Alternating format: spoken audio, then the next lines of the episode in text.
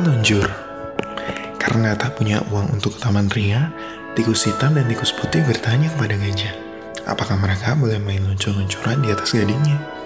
Ternyata boleh. Wah, senang sekali. Di taman ria tak ada peluncur yang sebagus dan selicin gading gajah. Kedua tikus itu meluncur masing-masing 20 kali. Dan karena gajah kebetulan berdiri di tepi danau, kedua tikus itu juga disemprotnya sampai basah. Keduanya berteriak-teriak kesenangan.